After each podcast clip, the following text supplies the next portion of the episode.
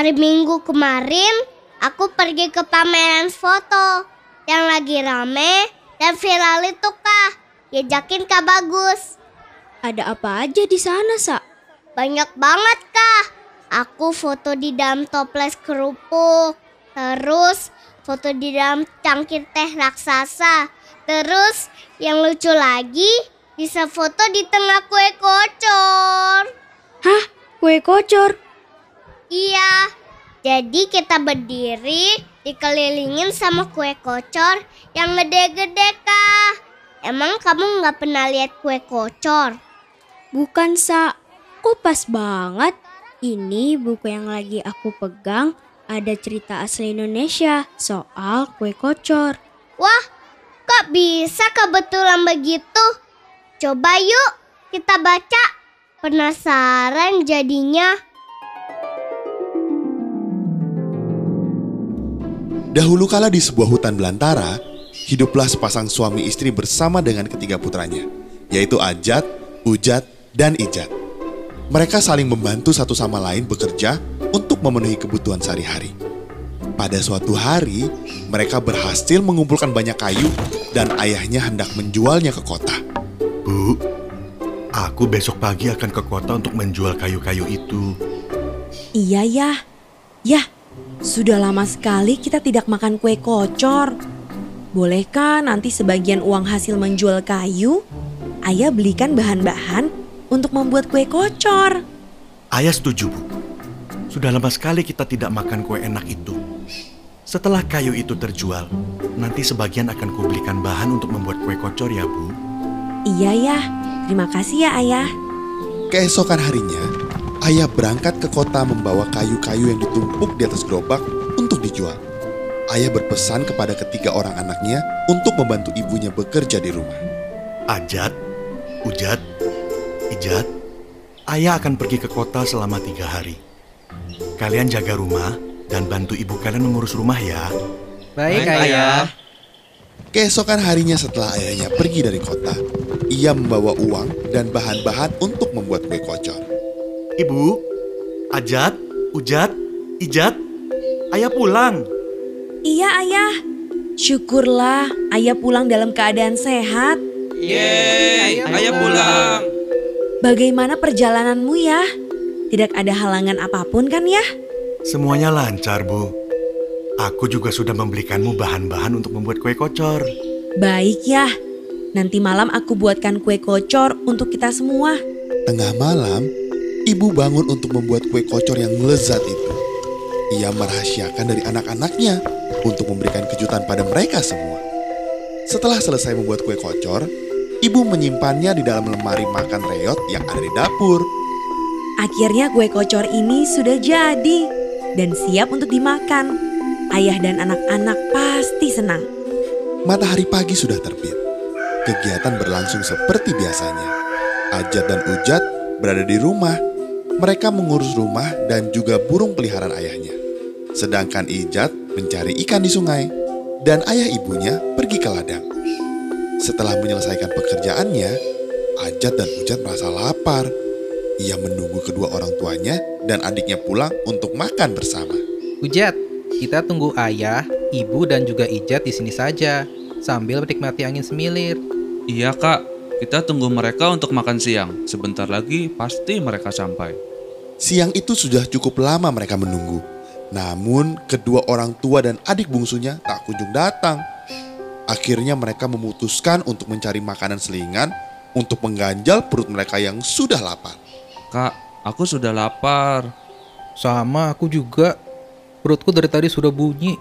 Bagaimana kalau kita cari makanan di dapur untuk mengganjal perut kita sambil menunggu mereka pulang? Baiklah, ayo kita ke dapur. Di dapur mereka berdua mencari makanan dan akhirnya menemukan kue kocor yang disimpan ibu untuk dimakan bersama-sama.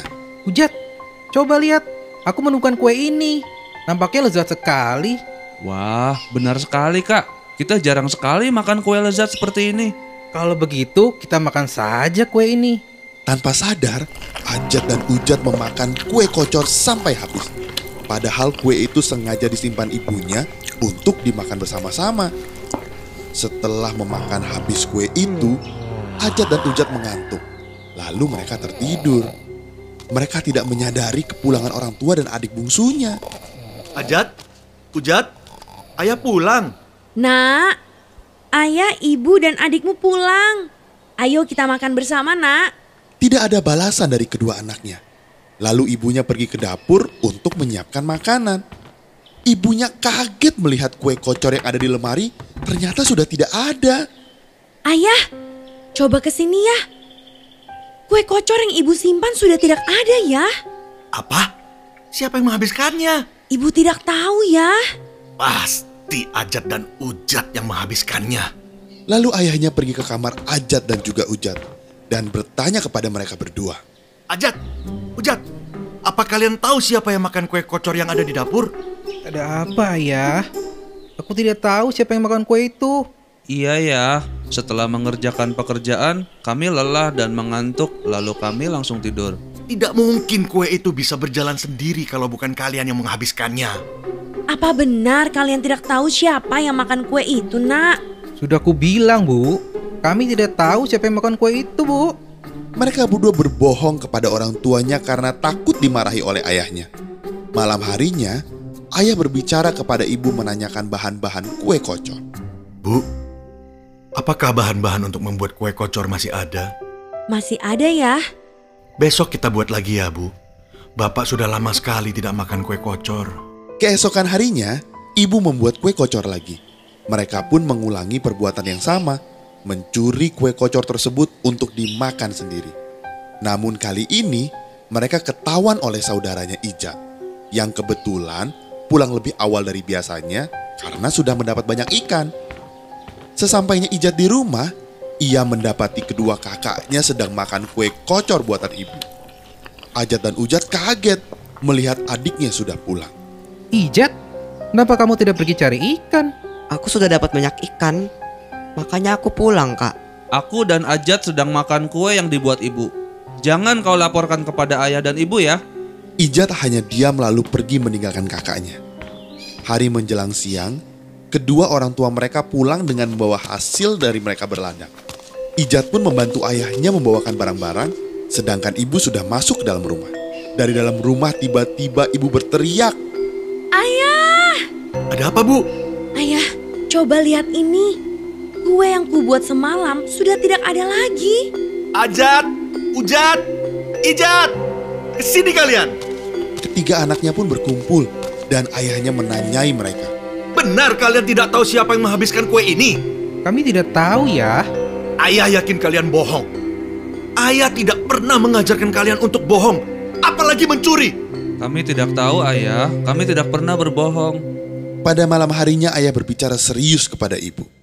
Bu, Bapak tahu anak-anak yang makan kue itu. Aku bisa menciumnya dari baju Ajat dan Ujat.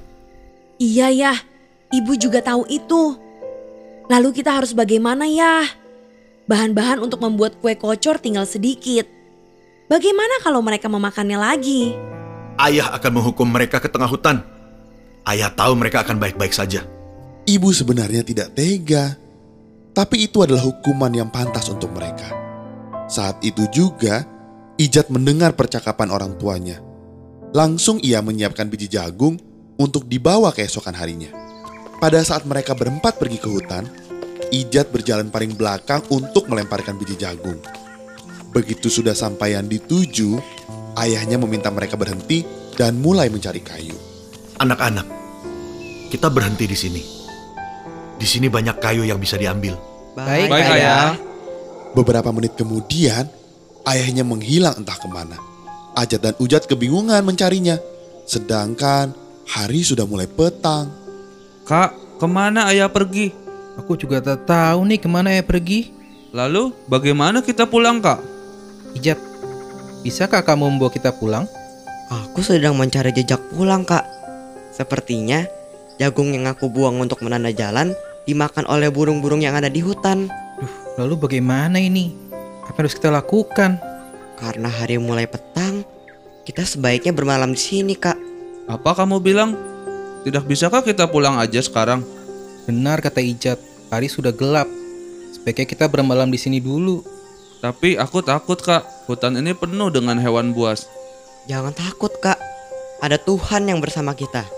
Kenapa ayah jahat sekali ya meninggalkan kita di tengah hutan ini? Keesokan harinya, Ajat, Ujat, dan Ijat mencari jalan pulang. Di sepanjang perjalanan, Ijat selalu berdoa meminta petunjuk jalan pulang, sedangkan kedua kakaknya tetap saja menangis. Kakak, tolong tenang. Janganlah kakak berisik. Di sini bukan hanya ada kita, tapi banyak makhluk buas juga di sini. Baik Ijat. Baik Ijat, Pada saat mereka berjalan melewati sebuah gua, tiba-tiba gua itu berguncang seperti ada gempa. Ada apa ini?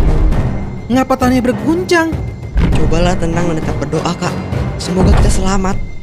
Tak lama dari itu muncul sosok raksasa yang tinggi besar berada di hadapan mereka. Ijat, sekarang apa yang harus kita lakukan? Kali ini kita tidak akan selamat. Hai manusia, apa yang sedang kalian lakukan di sini? Jika kalian sudah ada di dalam sini, kalian tidak akan bisa keluar lagi dengan selamat. Hai Tuhan raksasa, tolong lepaskan kami. Kami ingin kembali pulang ke rumah. Bantulah kami mencari jalan pulang. Oh, tentu tidak bisa. Sudah lama aku menunggu untuk makan daging manusia. Kalian akan menjadi santapanku besok. Akan kumakan kalian tanpa bersisa. Lalu raksasa itu memasukkan mereka bertiga ke dalam penjara besi dan kemudian meninggalkannya. Tapi tak lama dari itu datang raksasa lain yang ukurannya lebih kecil. Hei, siapa kalian? Aku tidak pernah melihat kalian di sini. Hei raksasa yang baik hati, kami adalah tamu di rumahmu.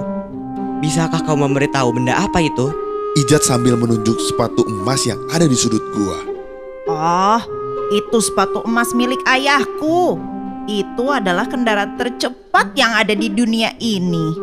Lalu anak raksasa itu tertidur di dekat kerangkeng besi tanpa alas. Sedangkan mereka bertiga tidur di atas alas. Lalu Ijat mempunyai ide cemerlang agar bisa keluar dari kerangkeng besi itu. Hei anak raksasa, bangunlah. Ada apa tamuku? Aku kasihan padamu. Kau anak dari raksasa itu, tapi kau tidur tanpa memakai alas. Sedangkan kami hanya tamu, tapi kami tidur memakai alas. Kemarilah, kita berdoa tempat. Aku yang tidur di luar dan kau tidur di sini. Apakah boleh aku di situ? Tentu saja boleh. Aku yang merasa tidak enak padamu. Ke sinilah. Akhirnya mereka bertukar tempat. Ijat dan kedua kakaknya pun akhirnya keluar dari kerangkeng. Sementara itu, ayah raksasa belum juga kembali ke gua. Ia masih berburu mangsa lain di luar. Kak, ayo kita pergi dari sini. Ayo Ijat. Sebelum meninggalkan gua, Ijat dan kedua kakaknya mengambil sepatu emas milik raksasa itu, lalu pergi dengan sangat cepat. Kemudian tiba-tiba mereka sudah sampai di tengah kota di dekat rumah mereka. Lalu Ijat mengajak kedua kakaknya pulang ke rumah menemui orang tuanya. Ijat, untuk apa lagi kita pulang? Jelas-jelas ayah membuang kita ke dalam hutan. Iya benar, apakah kamu sudah lupa itu? Kak, maafkan mereka. Seharusnya kita yang minta maaf pada ayah dan ibu. Mereka seperti itu karena ulah kalian. Kenapa kalian tidak jujur kepada mereka kalau kalianlah yang menghabiskan kue itu? Hal ini tidak akan terjadi kalau kakak tidak berbohong. Kamu benar Ijat, kami salah. Kami tidak seharusnya lupakan hal itu. Iya kak, maka dari itu ayo kita pulang dan meminta maaf kepada mereka. Baik, ayo kita pulang.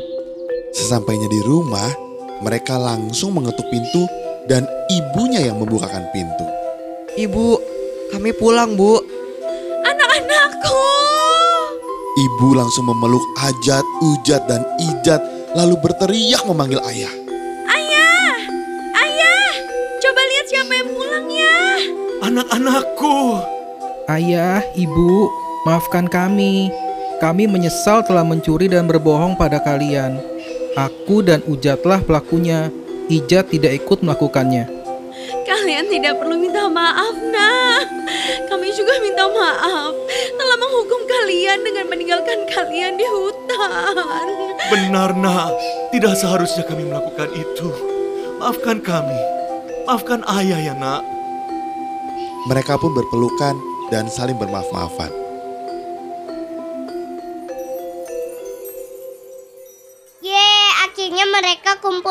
Sama ayah dan ibunya.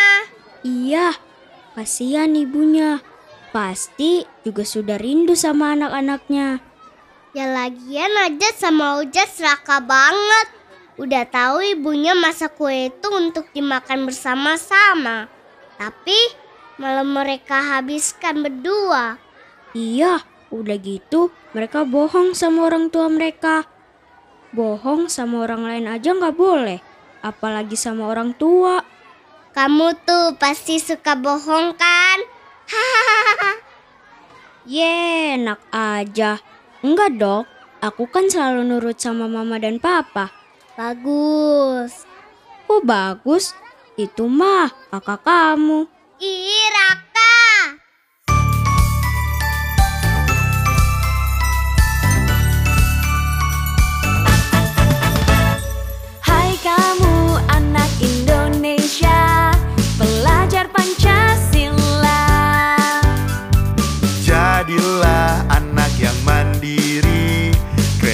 bernalar